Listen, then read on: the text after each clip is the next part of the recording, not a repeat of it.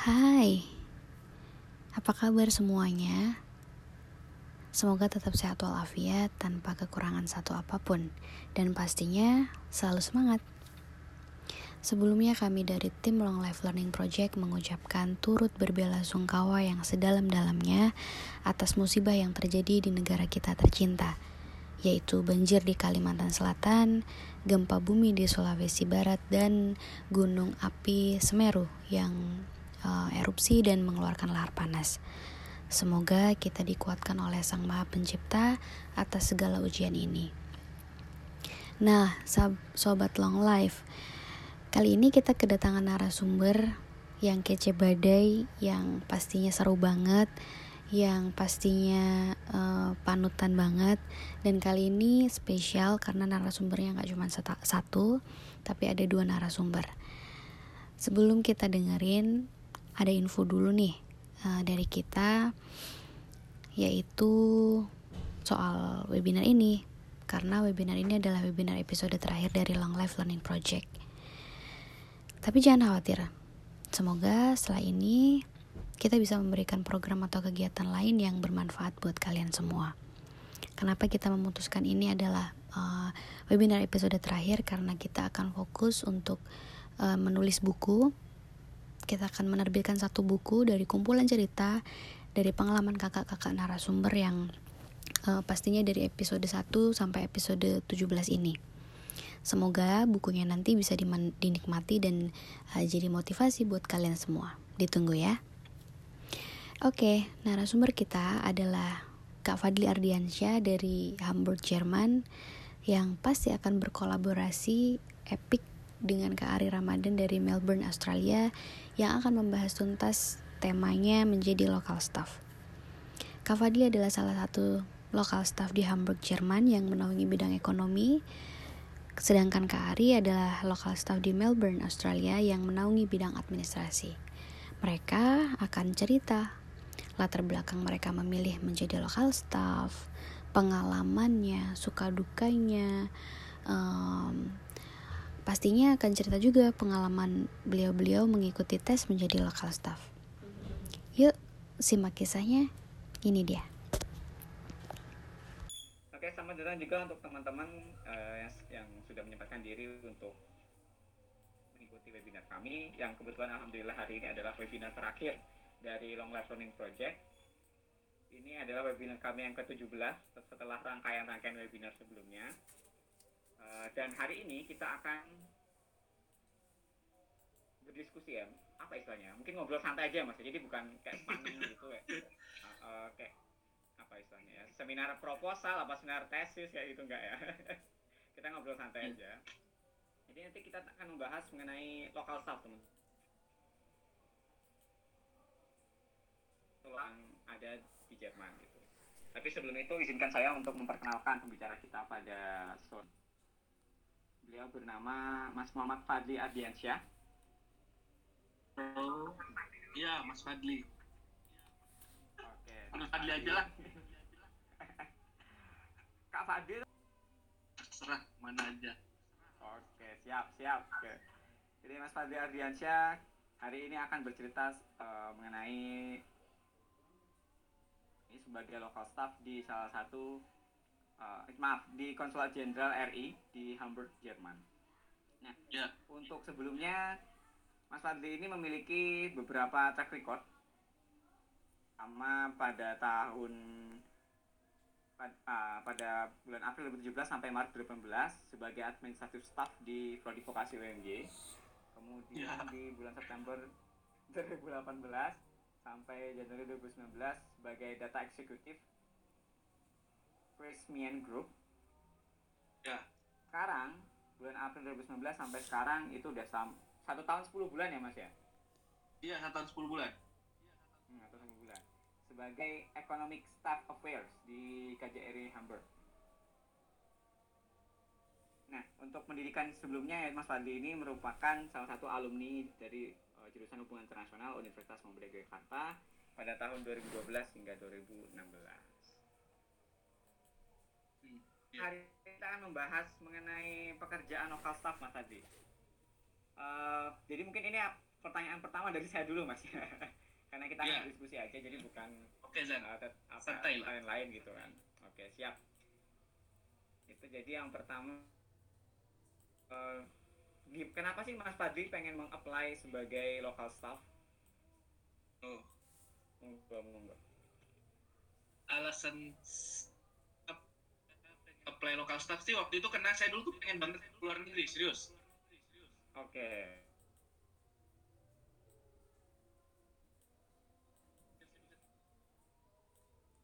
Waktu yang singkat ya maksud saya tuh bisa stay di sana, bisa tinggal di sana, bisa tinggal lama gitu. Inspirasi saya tuh datang tuh dari ya senior juga kan, senior di HI juga, Mas Maur sama Mas Faik gitu yang tadi waktu kita masih ngobrol-ngobrol sebelum ini. ya ya Mereka kan Mas Maur udah udah di, di kayaknya ini saya gitu. Akhirnya terima gitu. Eh, berarti karena ketertarikan pengen tadi pertama apa istilahnya pengen kan kayak gitu dan Nah, mungkin benar. Kepancing juga sama kesuksesan alumni alumni sebelumnya berarti Nah, iya benar. berarti kayak circle pertemanan gitu mempengaruhi ya mas ya sampai sekarang jadi Dia lihat aja Helen nih sukses kan. iya alhamdulillah Jadi emang ya emang sistem tadi pertemanan tuh ya. benar-benar bisa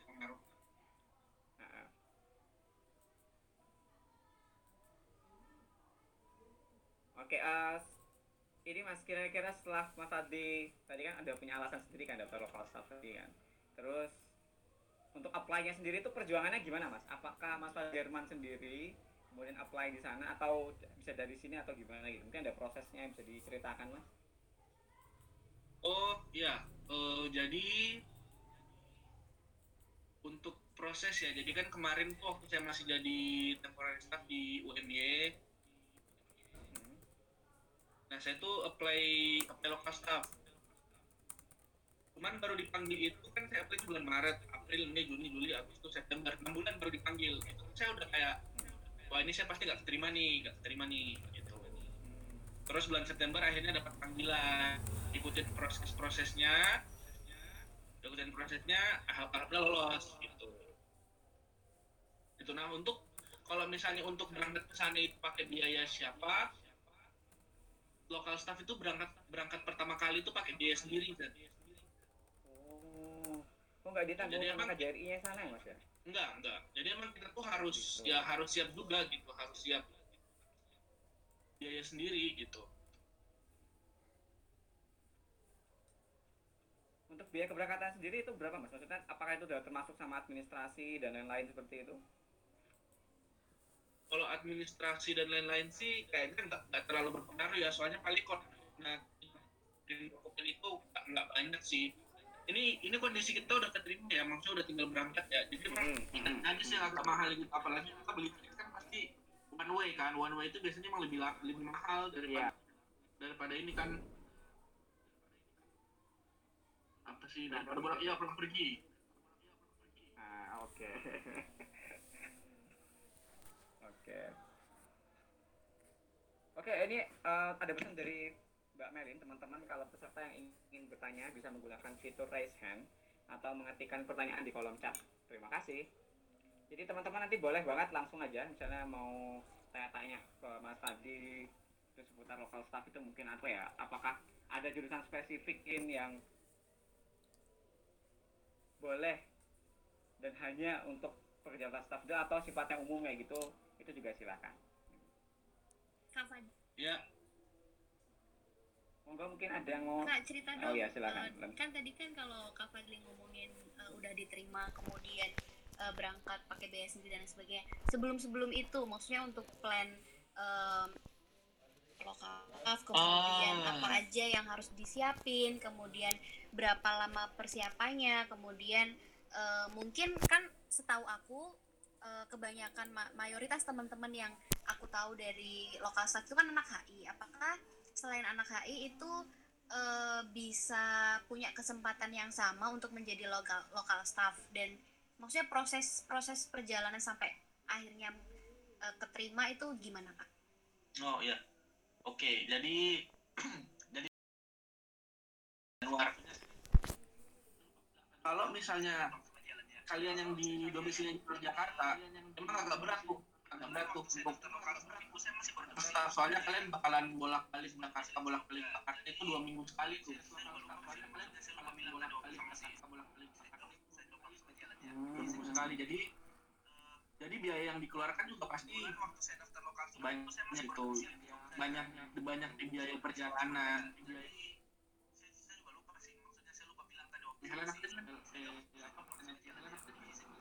jadi yang dipersiapkan apa saja oh iya oke okay. kalau ini yang saya siapkan itu kemarin CV ijazah CV ijazah transkrip itu kemarin CV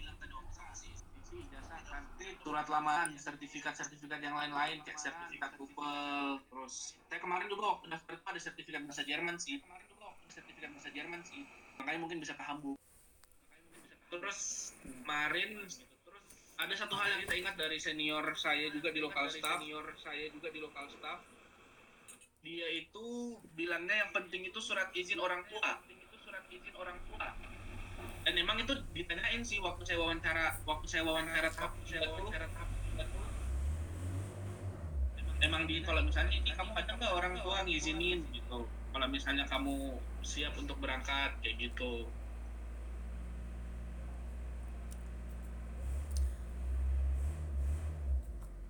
kak aku mau tanya dong iya gimana um, jadi uh, selama proses itu dari pertama apply sampai uh, keberangkatan itu kira-kira waktunya berapa lama? Terus kan karena aku uh, bukan dari background HI ya atau sebangsanya, aku dari geografi uh, kurang begitu ini sih dengan uh, kurang begitu familiar ya dengan lokal staff itu uh, nanti job desknya di sana apain aja? Jadi job desk sama tahapan ya? Iya. tahapan yeah. sama berapa lama? iya. Saya jawab dulu ya. Kalau untuk uh, kalau untuk uh, berapa lama prosesnya? Itu kalau dihitung-hitung ya sekitar itu kalau misalnya mau di langsung aja itu sekitar setahun. Pertama kali ngirim berkas itu bulan Maret, bulan Maret 2018 terus dipanggil itu September 2018 saya berangkat itu April 2019 April April ini uh, itu tahapannya. Nah hmm. tahapannya itu apa aja? Itu kalau nggak salah tuh sekitar ada enam ada ada enam tahapan gitu. Jadi yang pertama itu kita ada tes pengetahuan umum. Ya ini pengetahuan umum dia soal tentang pengetahuan umum. Tapi mungkin kalau yang bukan anak KI emang agak ini sih agak agak agak berat soalnya kan uh, tesnya tuh perihal perihal United Nations terus apa tugasnya United Nations uh, sebutkan jenis apa organisasi-organisasi yang berada berada di bawah United Nations kayak gitu. Itu tes tahap pertamanya. Sama uh, dalam sehari itu tes pengetahuan umum sama tes bahasa Inggris. Hmm. ini hampir sama kayak tes TOEFL cuman lebih singkat aja gitu. Cuman lebih singkat kayaknya dipotong setengahnya deh sama sama saya tuh kemarin di soal di zaman saya ya zaman saya tes ya. Jadi saya ini nggak tahu nih zaman zaman setelah saya itu tesnya apa aja gitu. Cuman ini saya ceritain zaman zaman saya waktu tes itu kita ada disuruh e, mengartikan arti dari Inggris ke bahasa Indonesia gitu. Indonesia ke bahasa Inggris kebanyakan itu ada tes oh sorry sorry sorry. Di tahap pertama itu setelah tes bahasa Inggris kita ditawarkan untuk uh, tes bahasa lain gitu. Pilihannya Perancis Arab sama Mandarin gitu. jadi kalau misalnya kalian ada yang bisa bahasa Perancis Arab Mandarin itu kemungkinan kalian untuk bisa keterima tuh lebih besar gitu. Karena ada kalian karena kalian ada bahasa tambahan lain gitu. Untuk tahap keduanya itu ada tes komputer cuma pakai cuma Word, Excel, PPT gitulah Terus di tahap tiga itu ada wawancara sama Kemlu. Nah, wawancara sama Kemlu ini mereka akan menanyakan perihal CV kalian aja. Jadi CV kalian yang udah kalian kirim, nah itu cuma itu aja yang ditanyain gitu. Misalnya ini lulusan mana gitu kamu pernah ikut organisasi apa aja gitu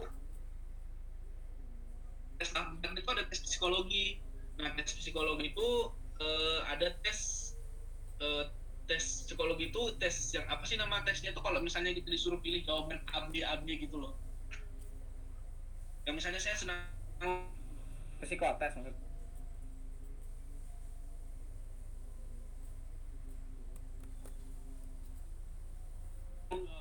Yang paling mencerminkan diri kita sendiri gitu loh. Itu cuman saya nggak tahu apa nama tesnya. Lupa sama yang tes psikologi itu ada wawancara juga wawancara sama psikolog. Nah situ kita ditawarkan mau nggak kalau misalnya penempatan di perwakilan? Kalau saya kemarin ditawarkan mau nggak? Ditawarin mau nggak penempatan di Hamburg? Setelah saya jawab iya. Terus dijadwalkan lah wawancara dengan orang-orang perwakilan dengan diplomat-diplomat yang sudah penempatan di Hamburg gitu. Setelah kalau misalnya terima lulus, kita akan diumum kita akan kita akan diumumin terus sekitar sebulan. Lupa pertanyaannya Helen itu eh, bisa nggak sih orang di luar HI daftar lokal staff di luar HI daftar? Itu bisa, bisa. Eh, kemarin itu waktu bulan Ok lu pertama kali dia bener-bener oprek lokal staff besar-besaran besar-besaran besar-besaran besar-besaran lokal staff itu mereka nggak pernah buka oprek itu mereka nggak pernah buka oprek bilang saya mau daftar di lokal staff gitu ntar kalau misalnya keterima baru kita dipanggil gitu cuman bulan Oktober kemarin 2020 kemarin Oktober kemarin 2020 kemarin nyebar itu beritanya. Jadi dia bikin postingan di halaman Kemlu kalau mereka tuh butuh lokal staff sekian orang gitu. Syaratnya ini ini ini ini katanya. Kayak gitu sih buat lokal staff. Gak, gak, gak ini kok biasa aja.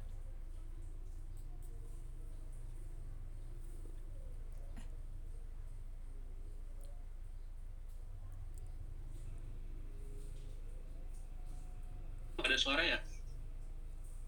Ada suara ya? Lan nggak ada suaranya Lan kamu tadi nanya Nggak ada nanya. oh oke oh ya kak ini ada yang Oh, ada pertanyaan kak Da- dari saudari Banira Sulia kak saya Hmm. mau diterima sebagai lokal staff terima kasih Wah, kalau misalnya ditanya faktor apa yang menentukan itu sebenarnya eh, saya bisa bilang itu eh, apa ya? Jadi saya nggak bisa bilang itu murni keberuntungan ya. Cuman berani bilang kalau misalnya ada faktor keberuntungan di situ gitu.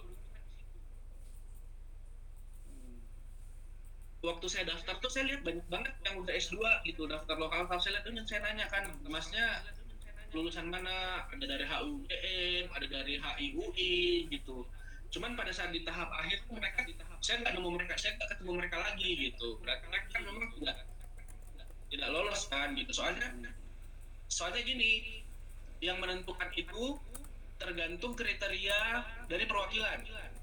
Oke. Sebagai contoh nih sebagai contoh ini ini contoh real ya. Jadi teman saya itu lokal staff yang baru dia itu dia itu dia itu nggak bisa bahasa Jerman. Tapi bisa nari.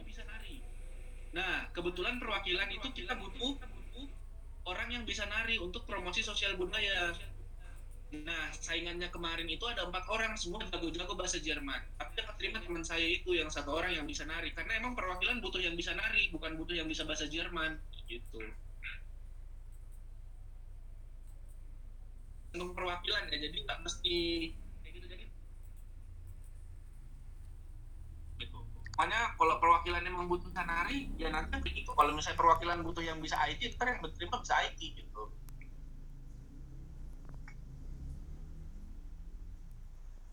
Berarti ada kayak kualifikasi khusus gitu Iya, Karena ada dari, koalisi khusus.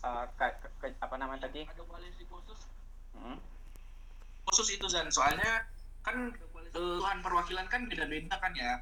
Itu misalnya nih KJRI Hamburg itu butuhnya yang bisa nari gitu bisa jadi yang KBRI Paris butuhnya yang bisa akuntansi gitu kayak gitu jadi ntar soalnya untuk penempatan itu sendiri itu penempatannya random kita nggak bisa milih gitu. misalnya oh saya keterima nih ya udah saya pengen nggak bisa yang nentuin itu Kemlu yang nentuin Kemlu sama perwakilan gitu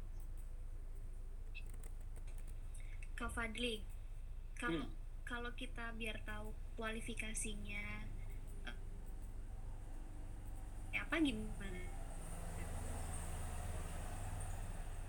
jadi yang tahu cuma biro SDM sama perwakilan Hmm. ini pas sudah ini pas sudah teman pas teman saya udah masuk aja makanya saya tahu gitu seandainya seandainya teman saya nggak tak saya teman saya nggak masuk maksudnya teman saya yang sekarang di Hamburg itu nggak masuk ya saya nggak tahu gitu kalau misalnya kemarin dia tuh saingannya tuh empat orang bisa bahasa Jerman semua gitu. bahasa Jerman cuman bisa nari makanya kemarin dia kayak sempat di diceng-cengin gitulah. Kok lu bisa sih yang terima? Kan lu gak bisa bahasa Jerman. Ya makanya karena saya bilang tuh faktor keberuntungan gitu. Itu karena dia bisa nari. Ya yang dibutuhkan perwakilan itu bisa nari bukan yang bisa bahasa Jerman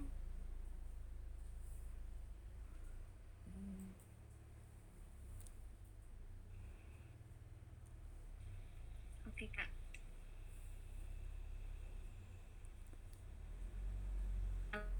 Ada pertanyaan lagi sih sebenarnya.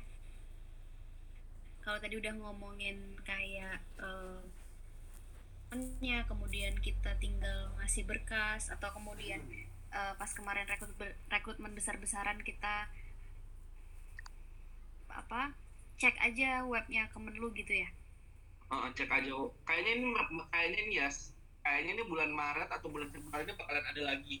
Soalnya yang bulan 10 itu kemarin itu udah pada mau berangkat semua gitu. Pasti kayak lu bakalan buka lagi tuh bulan-bulan Februari atau bulan-bulan Maret. Kita daftar aja gitu. Pengen. Jangan lalan kau kan hmm, udah sukses. Apanya dulu daftar?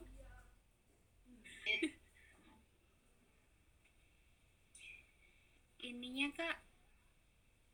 Apa tuh namanya? Tadi aku nyambung pas kita ngobrol ya Oke, mungkin teman-teman ada pertanyaan, bisa tanya langsung kok.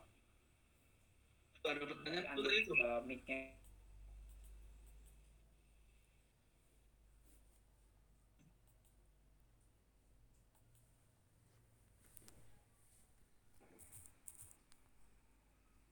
itu ada dari Bani Zen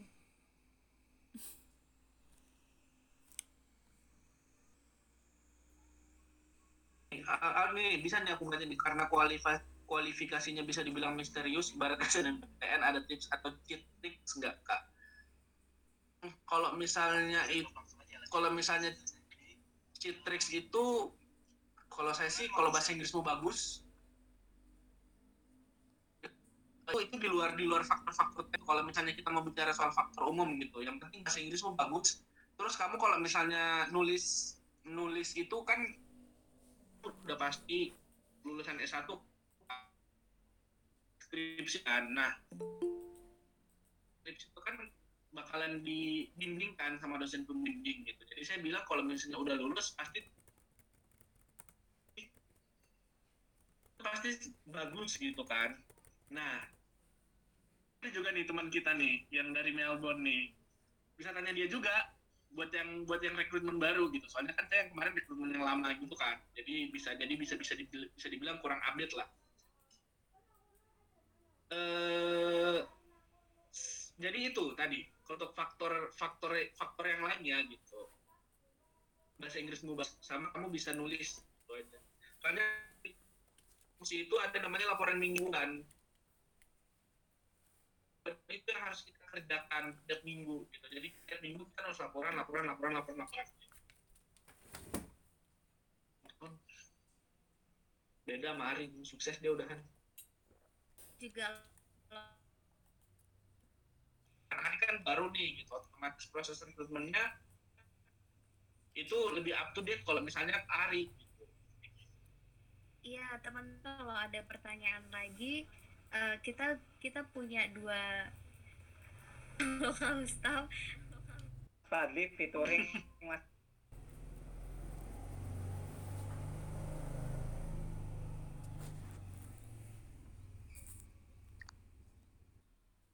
tadi itu kan kalau keberuntungan kan tiap orang kan beda-beda kan mas. Kayak gitu kan. Hmm, Mungkin hmm, -hmm. bisa mengasah soft skillnya dulu atau begitu oh oke. Okay. kalau saya kan itu sih pertama bahasa Inggris tulis maksudnya tulisan itu bagus kan. Sama kalau misalnya soft kayak Ari, terus terus apa ya, terus jadi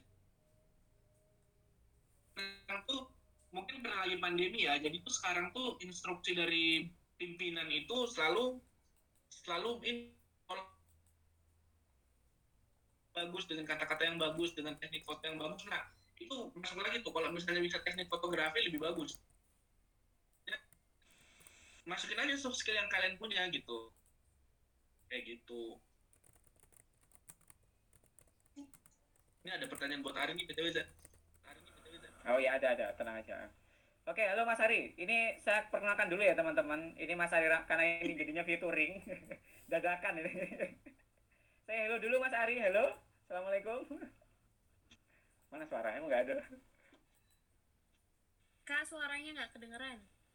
suaranya nggak ada mas. Nggak ada. Eh, cek cek cek satu dua tiga. Kedengeran nggak? Oke oke. Siap. Aduh ini nggak pakai headset nggak enak halo wow Zanuar Baret gitu eh konnichiwa senpai. Sebelumnya salam kenal saya Ari Ramadan. Awalnya tuh saya ingin melihat dan berjalannya meeting ini oke. kecepat Kan ini aku mau share gitu dan zamanmu kan udah beda makanya mungkin bisa bisa kamu ini bisa kamu elaborasiin aja oke wait ya wait oke sambil nunggu mas Ari masang headset dulu. Oke mas? Oke gini aja ya. Nggak ada suara. Oke udah ada kayak gini aja. Udah nggak kedengeran.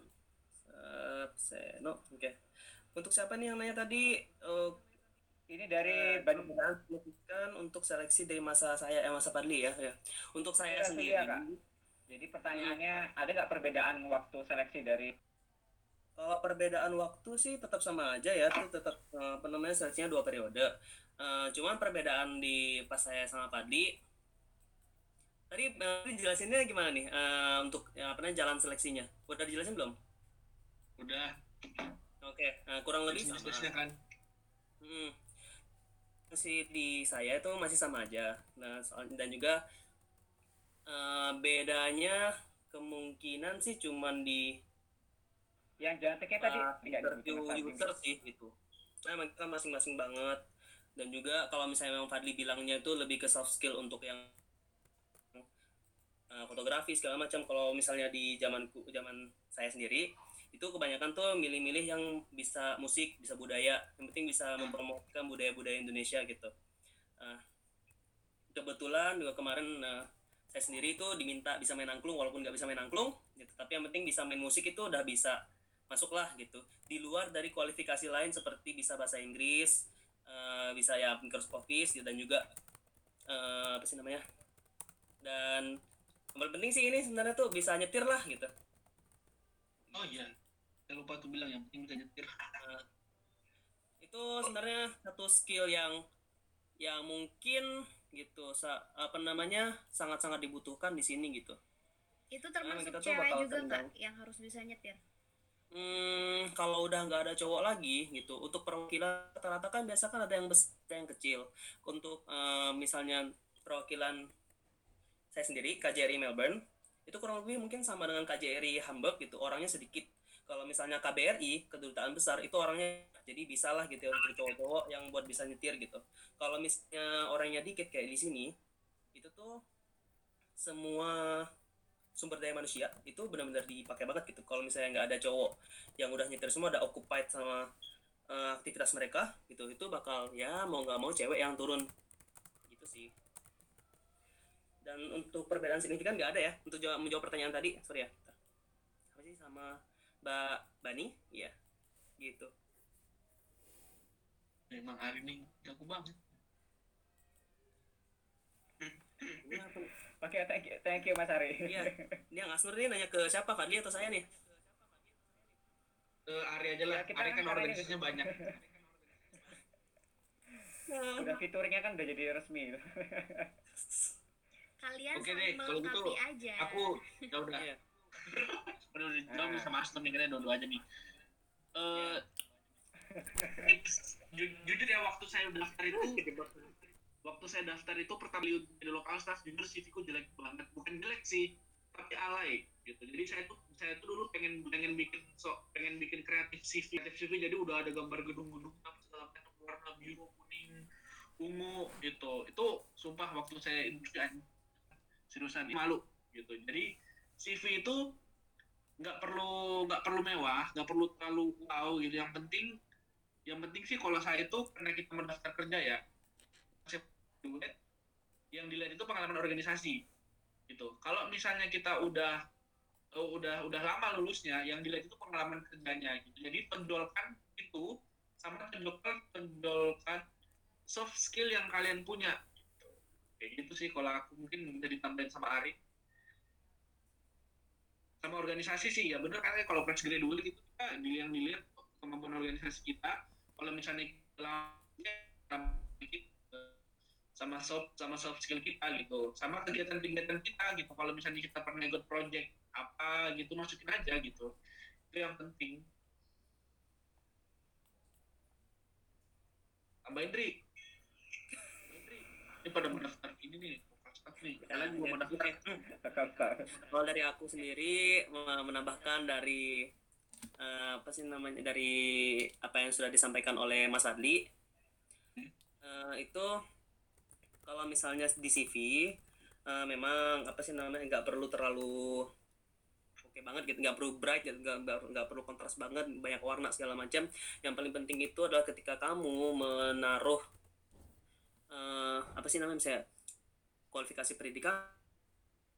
Itu kayak waktu eh, misalnya aku nih misalnya kayak eh, dulu aku eh, dulu aku kuliah di hubungan internasional Universitas Muhammadiyah Yogyakarta. Terus di bawahnya itu ngambil konsentrasi gitu konsentrasi eh, apa sih namanya non government organization gitu. Terus habis itu pelajaran apa sih yang bisa aku kasih kayak gitu. Itu yang berhubungan sama apa yang akan kamu apply di pekerjaanmu gitu.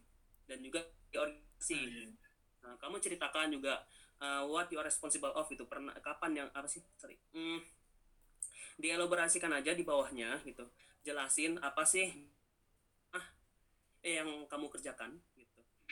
Yang kamu kerjakan dan juga apa achievement yang kamu dapat dari situ. Misalnya kayak aku misalnya aku yang misalnya itu dulu pernah ikut student English activity gitu.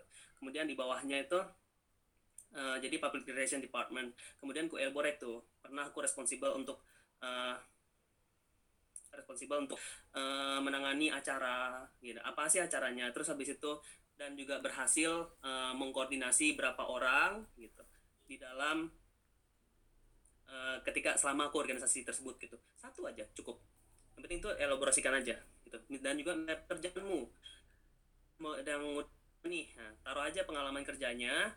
Di bawahnya kamu kamu tuh bertanggung jawab di bagian apa gitu dan seperti yang aku bilang tadi kasih achievement yang kayak pernah yang ya capaian kamu deh yang pernah ini yang pernah kalian gitu yang pernah kalian uh, pernah coba gitu eh, yang pernah lakukan ya, gitu. Jadi nggak hanya tulis-tulis nggak hanya nulis misalnya pekerjaan ini ini ini terus pekerjaan satu dua tiga nggak gitu. Jadi tambahin aja gitu di antara uh, pekerjaan-pekerjaan yang kalian taruh di CV itu lagi ya kalau misalnya tadi achievement apa sih organisasi ya tadi ya wait ya. Organisasi organisasi atau prestasi? Hmm.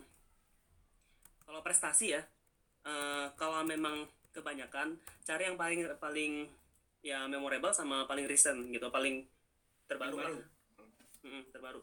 Dan juga ketika kalian punya suatu karya portofolio itu benar kali itu uh, taruh juga tapi bagian lampiran. Uh, sebaik-baiknya CV itu sebenarnya tuh dua lembar lah itu udah paling maksimal banget gitu. gitu. dan juga ya itu sudah menjelaskan apa sih namanya keahlian bahasa kalian keahlian soft skill kalian gitu. Di antara uh, maksudnya pendidikan di antara pekerjaan di antara organisasi yang pernah diikutin. Udah gitu aja sih. Ada- aku, aku dan sorry nih Zan. Ada yang nanya boleh. langsung Silakan. aku jawab aja ya si dari Bani Ini Rastudia ada pertanyaan lagi lanjutan. Ya, silakan, silakan. Oke, berarti fluent Ya, bahasa silakan, asing tidak Bas. dituju belum tentu bisa. Nih, belum tentu belum tentu bisa menentukan tuh. Justru itu gitu. Kalau misalnya kamu pengen ke Jerman terus bisa bahasa Jerman gitu. Itu itu pasti kamu bakalan direkomendasiin ke sana gitu. Karena saya itu bisa bisa bisa ditawarkan ke Hamburg karena memang saya dulu pernah kursus bahasa Jerman gitu sekalipun nggak fluent gitu. Gitu cuman ini ini tuh ini tuh di luar kondisi tadi ya di luar kondisi yang saya ceritakan teman saya ya yang kalau misalnya yang dia itu saingannya orang yang bisa bahasa Jerman sedangkan dia itu cuma bisa na- cuma bisa nari terima dia gitu. Itu itu itu kondisi khusus lah baratnya gitu kondisi khusus gitu soalnya emang karena staff-staff yang lain itu emang udah pada bisa bahasa Jerman dan tadi yang bisa nari gitu makanya emang kita khusus cari yang bisa nari gitu loh Mbak Bani. Cuman kalau misalnya misalnya nih Mbak Bani pengennya ke mana ya? Ke, saya ke Korea gitu kan. Oh Mbak Bani lancar bahasa Koreanya. Terus kita yang dicari gitu. Kayak gitu. Jadi kasus teman saya tadi tuh spesial gitu. Nggak bisa digeneralisir gitu. Malah justru yang ditanyakan Mbak Bani ini yang yang sangat yang sangat yang sangat ditem yang sangat menentukan gitu sih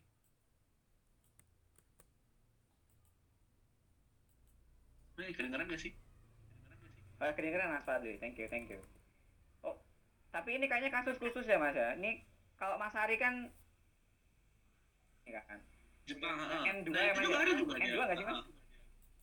Iya tuh loh, harusnya kan ke Jepang. Popo tahu masih N4 itu bahasa Mandarin lagi tuh, beda lagi. Pas Mandarin Helen lah. Mau pucet tahu. Jadi eh, Zan aku udah boleh namain kan gitu yang tadi soal bahasa Jepang ya aku bisa bahasa Jepang cuman tuh kemarin tuh aku Gimana Mas Ari soal bahasa ini? dilihat IELTS-nya jadi karena punya IELTS ya udah bisa ke sini gitu nyasar ke sini lah gitu anggapnya kayak gitu gitu lanjutin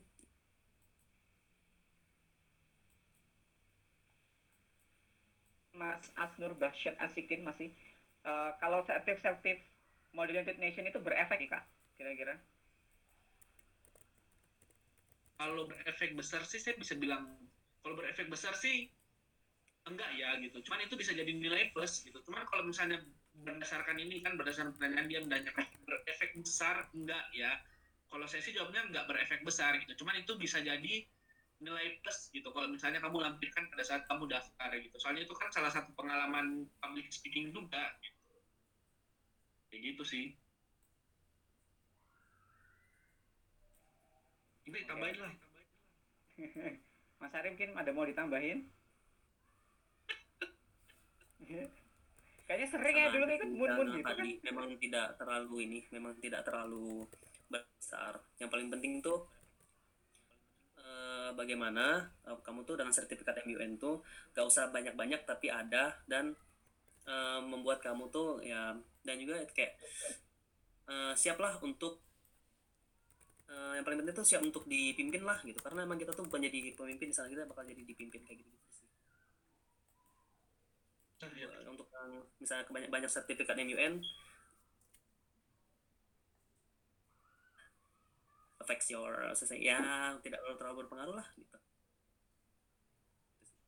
Betul, saya setuju. Oke, thank you Mas Ari dan Mas Fadli. Ini masih ada pertanyaan ini. Kayaknya banyak ini Mas. Nggak apa-apa, aja. nih Mas ya. Oke, oke. Ini pertanyaan lagi. Bisa pamit eh, dari nggak boleh Mas Ari mau pamit? Nanti dulu Mas. nggak boleh Iya nih, hari ini Gak boleh. Mas ada utang sama nih. Oke. And Mbak Bani untuk Kak Ari dan Mas Kak Fadli kira-kira ada nggak ya? Ya, hal pengalaman atau hal yang paling memorable waktu proses seleksi? Suruh apa atau mungkin harus ngedance di tempat atau apa kayak gitu. Mungkin ada something memorable?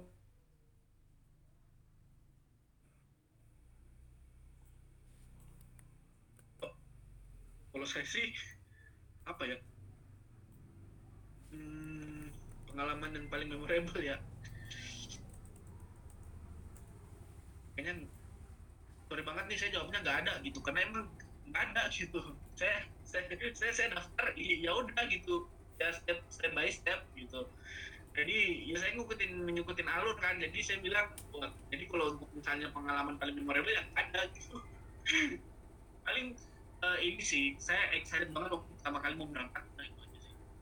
Banget sumpah karena pertama kali kan. Ya masa kesampaian ya akhirnya alhamdulillah. Iya kesampaian juga cita-cita saya dari dari, dari lahir. Dari lahir oke. Kalau Mas Ari gimana Mas? Ada nggak Mas kira-kira? Sih ada. Memorable ya? Uh, kalau misalnya ini kan uh, seleksi interview sama uh, orang sumber daya Kementerian Luar Negeri gitu sumber daya manusia Kementerian Luar Negeri. Itu jujur ya selama proses itu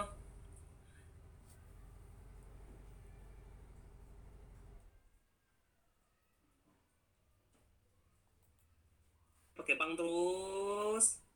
Terakhir baru pakai bahasa Inggris. Kayak gitu.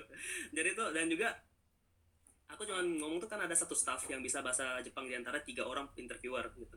Jadi ngomong sama dia terus dua orang yang lain itu tidak nggak ngerti nggak ngerti sama sekali gitu. itu dan juga kayak di sini tuh ya sampai aku ke sini aja tuh kayak di dari Melbourne itu nggak uh, banyak yang bisa pakai yang bisa bahasa asing gitu. Jadi ya kalian yang punya yang bisa bahasa asing tuh banggalah gitu. Kalian poliglot tuh bakal pangse gitu ya Januar wah. Gitu. Jadi uh, kalian perpatut banggalah dan juga pergunakanlah bahasa kalian itu sebaik mungkin gitu. Kemudian yang kedua nih selama seleksi di psikotes psikologi. Kenapa nih? Cara yang sama ibu-ibu gitu. Uh, itu tuh benar-benar pertanyaannya tuh hati-hati ya kalian tuh benar-benar apa sih namanya ditanya tuh benar-benar menjebak banget kayak misalnya bisa melihat makhluk astral. Gitu ya something like that lah gitu. Nah itu kalau misalnya kalian tuh ya hati-hati aja. Kalau misalnya kalian iya gitu itu jangan kayak uh, dari ilmu psikologi ilmu psikis lah. Kalau misalnya kalian bakal dinilai punya masalah di situ. Nah juga uh, orientasi seksual. Itu aku pernah ditanya juga.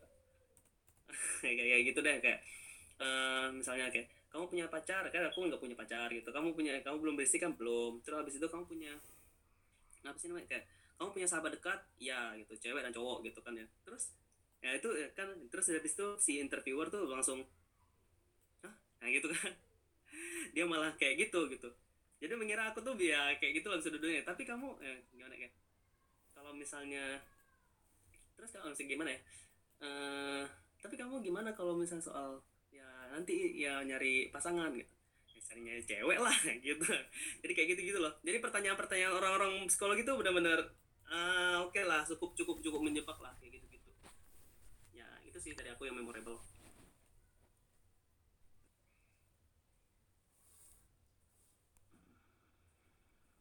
Kayaknya bakal diingat sepanjang masa mas ya? Sekali seumur hidup itu pengalamannya. Oke kita lanjut lagi atau yang bikin Kak Ari dan Kak Fadli diterima dan mengalahkan peserta itu apa Kak kira-kira? Yang like ini hanya misalnya Kak Fadli yang bisa atau ini hanya Kak Ari yang bisa gitu loh. Like no other people can do this but only yours. Only you two guys. Like that. mungkin ada yang bisa disampaikan? Apa ya? Hari dulu deh hari dulu. Jujur ya kalau aku tuh tidak merasakan apa pun ya nothing in particular gitu. Kalau misalnya untuk apa sih yang bisa membuat aku stand out sama yang lain? Cuman kemu kepribadian gitu. Kepribadian gitu. Kalau bawa pun memang sering banget kayak udah apa sih ya di sini dipimpin ya udah gitu. Jadi aku terbiasa untuk mengikuti pimpinan dan beradaptasi terhadap apa sih bergaya kepemimpinan kepemimpinan mereka gitu. Karena yang ku ceritakan selama aku interview sama perwakilan itu aku bilangnya selama kayak ada event-event gitu aku berhadapan sama orang yang lain-lain yang berbeda-beda gitu. Dan aku ya sebisa mungkin bisa menyesuaikan mereka. Dan alhamdulillah bisa. Nah, gitu gitu deh. Kalau aku sih mungkin ke situ sih kayak flexibility and adaptability ku gitu. Aku mikirnya gitu. Cuman kalau misalnya skill yang benar-benar konkret nggak bisa nggak bisa ku gambarkan secara konkret langsung. Cuman kayak gitulah flexibility and adaptability, tadi silakan. Kalau aku sih apa ya? Kalau misalnya sih saya paling ngomongnya karena saya beruntung aja kali ya. Enggak sih cuma kayaknya sih waktu itu karena emang apa ya waktu di end user interview kita tuh di interview untuk empat orang gitu. Nah semuanya tuh lolos gitu. Makanya ya kayaknya emang KJR Hamburg tuh emang lagi butuh ada orang waktu itu gitu. Makanya ini cuma kalau misalnya ditanya apa achievement yang personal achievementku kayaknya nggak ini deh. Maksudnya ya ya nggak ada. Serius serius. Aku tuh nggak tahu cuy. Aku nggak tahu kenapa aku bisa diterima aku bisa diterima karena memang kita waktu user interview itu, interview itu empat orang yang diwawancara diterima semua. Itu Emang dulu nggak sempat naik?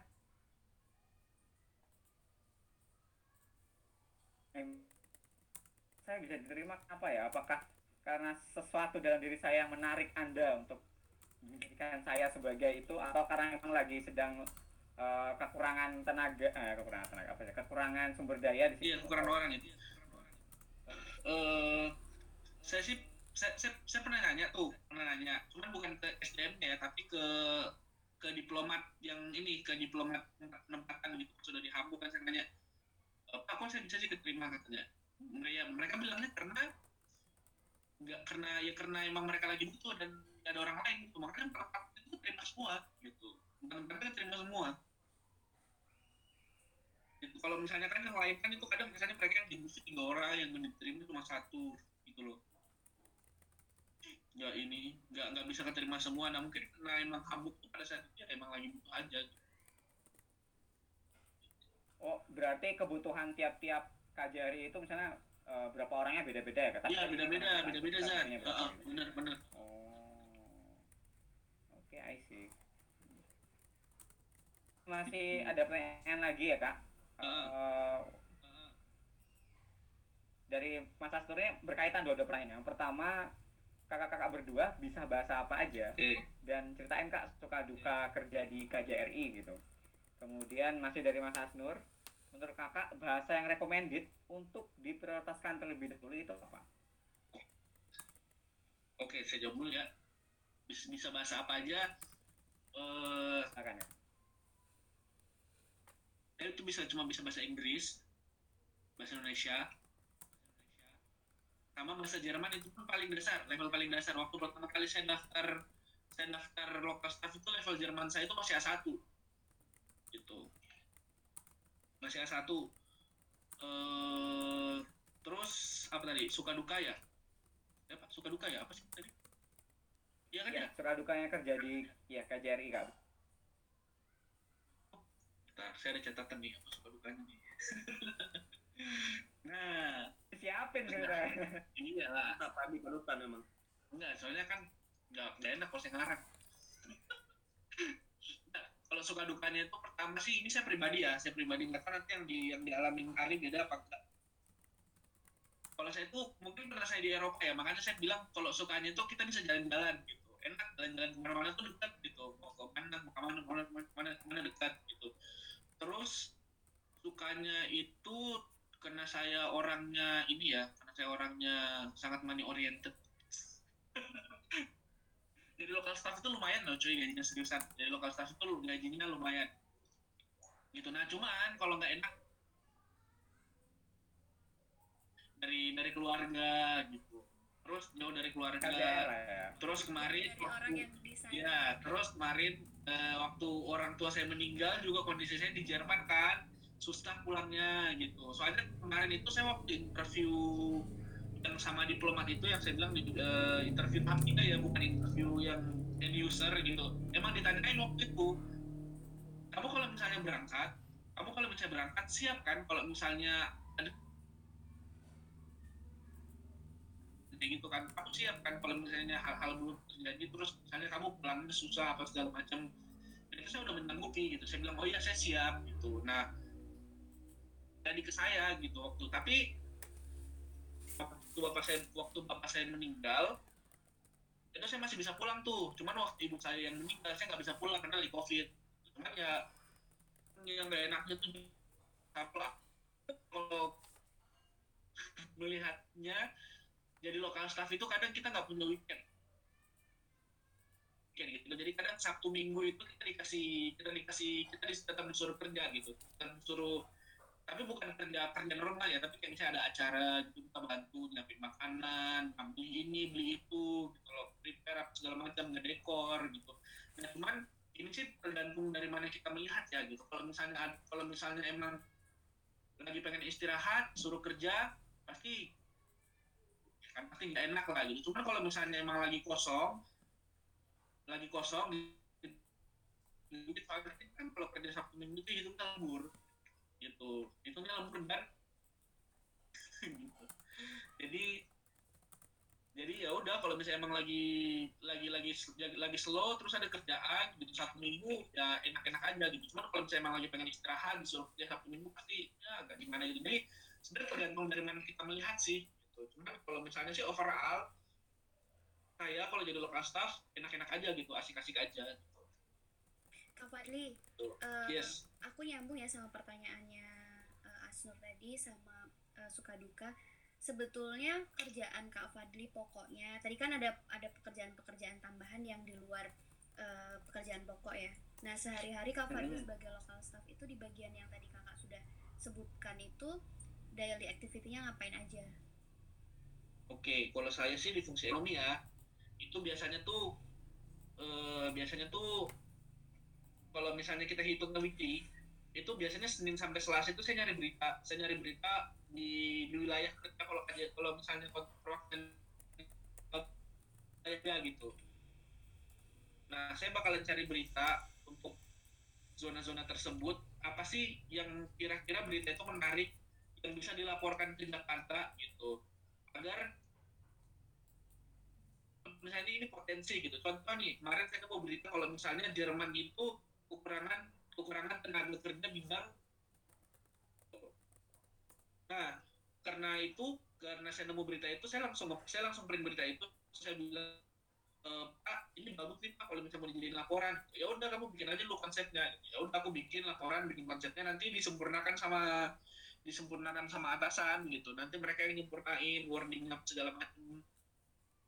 Itu sih nah karena tadi kan beritanya itu yang aku yang yang saya bilang beritanya tuh tentang tenaga kerja kan? Ya udah nah kan bisa tuh Indonesia ngirim tenaga kerja untuk jadi perawat di Jerman gitu kayak gitu. Terus kalau untuk monthly itu uh, saya bikin laporan perdagangan bikin laporan ekspor impor Jerman dan Indonesia kita ada pameran cuman karena lagi pandemi ya lagi pandemi lagi corona makanya kegiatan kegiatan tuh benar-benar kurang sih sekarang. Kegiatan tuh benar-benar kurang kebanyakan kayak fitcon fitcon gitu. Set fitcon ya tugas kita lokal staff bikin laporannya gitu apa sih yang dibahas waktu fitcon gitu. Kayak gitu. Cuma kalau misalnya lagi nggak pandemi nih suruh nih tahun 2020 tahun 2020 tuh banyak banget pameran gitu. Banyak banget pemilihan yang bisa kita ikutin? Maksudnya ya sekalipun kita nggak paham paham banget cuman lumayan lah cuci mata gitu oh ini ternyata teknologi pertanian terbaru nih kayak gini gitu. Teknologi aerospace yang terbaru tuh kayak gini gitu. Sekalipun kita nggak paham kan nggak boleh lah buat cuci mata itu bagus kok. Gitu. Jadi ya kerjanya ya sekitar kayak gitu aja jauh-jauh dari bikin laporan sebenarnya arrange meeting gitu. Kalau misalnya bos apa atasan bilang eh saya pengen ketemu sama ini gitu. Tolong dong di arrange meeting uh, tanggal sekian bulan sekian apa tanggal sekian jam sekian gitu. Terus kamu nego uh, mereka bisa apa enggak gitu. Kalau misalnya entah kamu nego terserah kamu aja gitu. Saya pengen jam berapa nanti koordinasi lain. Saya kayak gitu sih kerjaan enggak enggak ini kok. Enggak enggak enggak enggak enggak enggak ya enggak enggak berat berat juga enggak gampang juga enggak gitu. Jadi jadi bisa dibilang ya ya standar lah gitu maksudku. Tergantung gimana caramu menilai aja sih gitu. Kalau misalnya kamu orangnya rada rada rada, rada tuh dikit-dikit berat gitu. Cuma kalau misalnya kamu bawa santai kamu kayak ngejalaninnya biasa aja gitu kan itu bakalan carilah tambahin banget. nih dan jadi temporary staff. Gue miri Ari kerjaannya apa? Hubungan sama hari kerjanya main Tinder guys.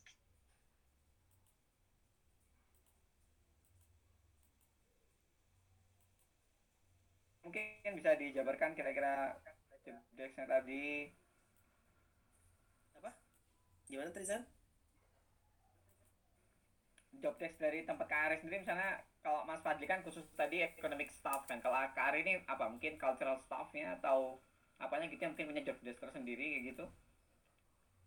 oh kalau aku sendiri ya itu Mm-mm. aku kerja eh, pekerjaanku masuk ke fungsi administrasi jadi emang ya kerjaan seperti administrasi administrasi pada umumnya gitu Peng- kelancaran uang terus habis itu pengurusan surat ah, lebih lebih ke situ sih kayak untuk eh, secara general gitu wah aku jadi handyman. Kalau misalnya kayak ada urusan lampu mati atau gimana pengurusan alarm kayak gitu gitu juga gitu.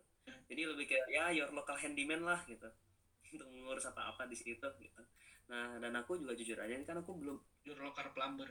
Melbourne itu tanggal 10 Desember 2020 padahal aku udah diterima dari sebagai local staff itu dari November. Jadi udah setahun terlewati baru aku bisa mulai kerja di sini. Ya biasa karena ada delay delay di flight lah apa segala macam karena corona gini kan.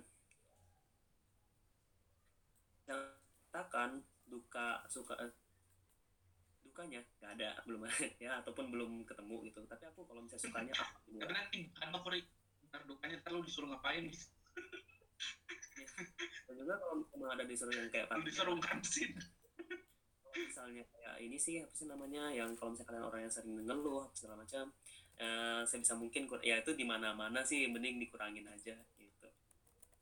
Itu di, di dalam dalam pekerjaan apa pun bawa aja positifnya gitu gitu dan ya jadi aku ya cuman ya kalau misalnya sukanya alhamdulillah gitu ya bisa ya ngelihat sesuatu yang hal baru lah gitu. Dan aku belum banyak pengalaman belum apa sih belum kalah pekerjaannya karena baru sebulan banget di sini gitu. Jadi aku belum bisa menggambarin sih gitu. Udah? Itu udah jawab tuh sama Ari ya, sama Kak Fadli. Yang keren. Ini masih ada pertanyaan mungkin ini pertanyaan terakhir kak Eh, dari dua teman kita. Yang pertama itu bahasa yang recommended untuk diprotes terlebih dahulu itu apa?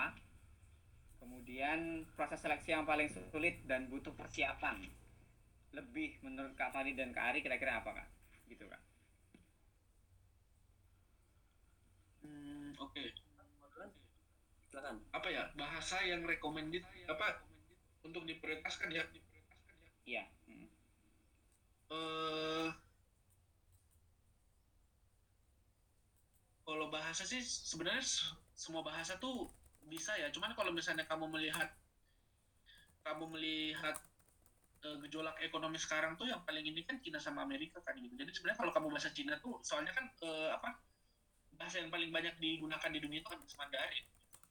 Bahasa Mandarin. Nah kalau kamu bisa bahasa Mandarin bahasa Mandarin bahasa Inggris gitu ya kamu aku udah bisa bilang kamu udah bisa ini apa namanya udah bisa mendengar uh, dua bahasa itu gitu.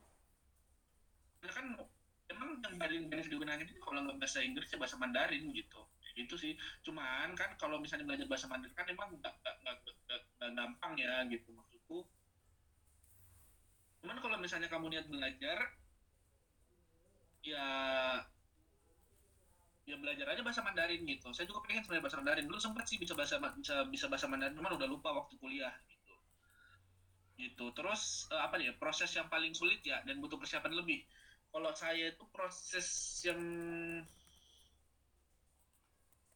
yang yang buat persiapan lebih itu tes psikologi gitu. Jadi waktu itu saya benar-benar belajar sih waktu yang psikologi itu. Saya benar-benar gimana cara mengontrol mimik gitu. Gimana caranya jawab pertanyaan-pertanyaan pertanyaan-pertanyaan menjebak dari sang jadi yang dari yang wawancara gitu. Itu sih. Gitu. Guys itu aja sih hari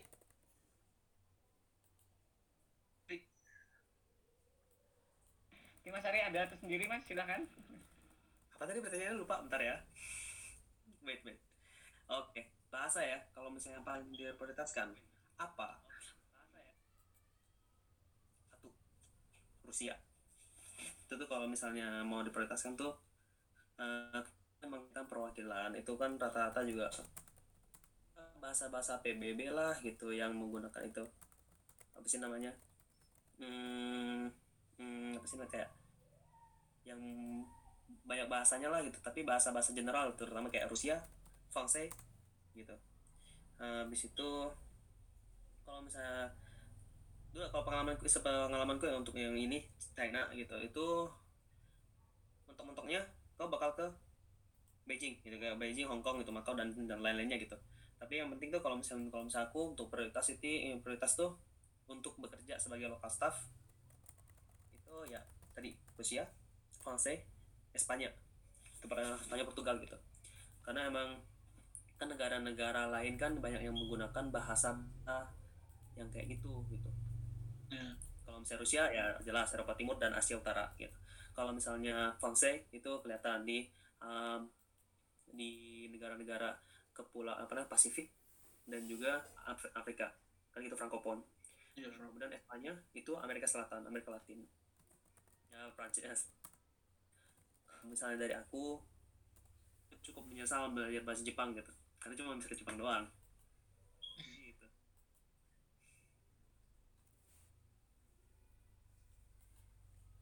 Jangan jangan mic-nya. Mic-nya Zan Sorry lupa lupa. Untuk Kak Ari tadi kira-kira seleksi yang paling sulit dan butuh persiapan lebih menurut Kak Fad- Oh. eh Kak Ari apa? nah hari mah nggak ada mah Siap semua berarti ya. iya persiapkan Semoga, aja semuanya. Gitu persiapkan aja semuanya gitu. Yang apa namanya ya yang paling penting itu kamu nya apa sih cari tahu aja apa sih yang dibutuhkan ketika apa undian di dalam tes tersebut gitu. Kan biasa kayak gitu analisa sendiri apa aja. Jadi yang ku tanya sama teman-temanku yang berpengalaman tuh cuman yang seitunya aja gitu yang dibutuhkan aja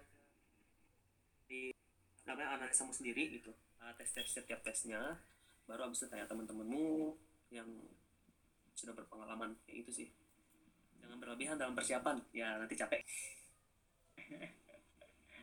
Berarti persiapan dengan sebaik mungkin tapi juga tidak terlalu over apa istilahnya? Iya. Iya, over forcing diri sendiri gitu ya Kak ya. ya Oke.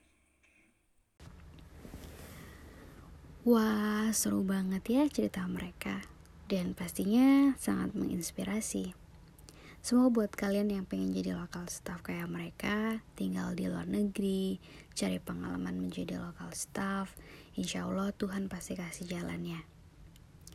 Benar banget kata mereka, yang perlu digarisbawahi di sini adalah jangan pernah kamu bandingkan diri kamu dengan orang lain.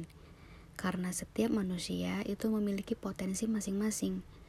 Selalu bersyukur atas apa yang sudah Tuhan kasih ke kita. Dengan begitu, hidup ini akan terasa jauh lebih ringan walaupun cobaan itu pasti ada. Sayang banget kita udah di episode terakhir di penghujung podcast. Tapi jangan khawatir, insya Allah kita akan segera ri- rilis buku pertama kita.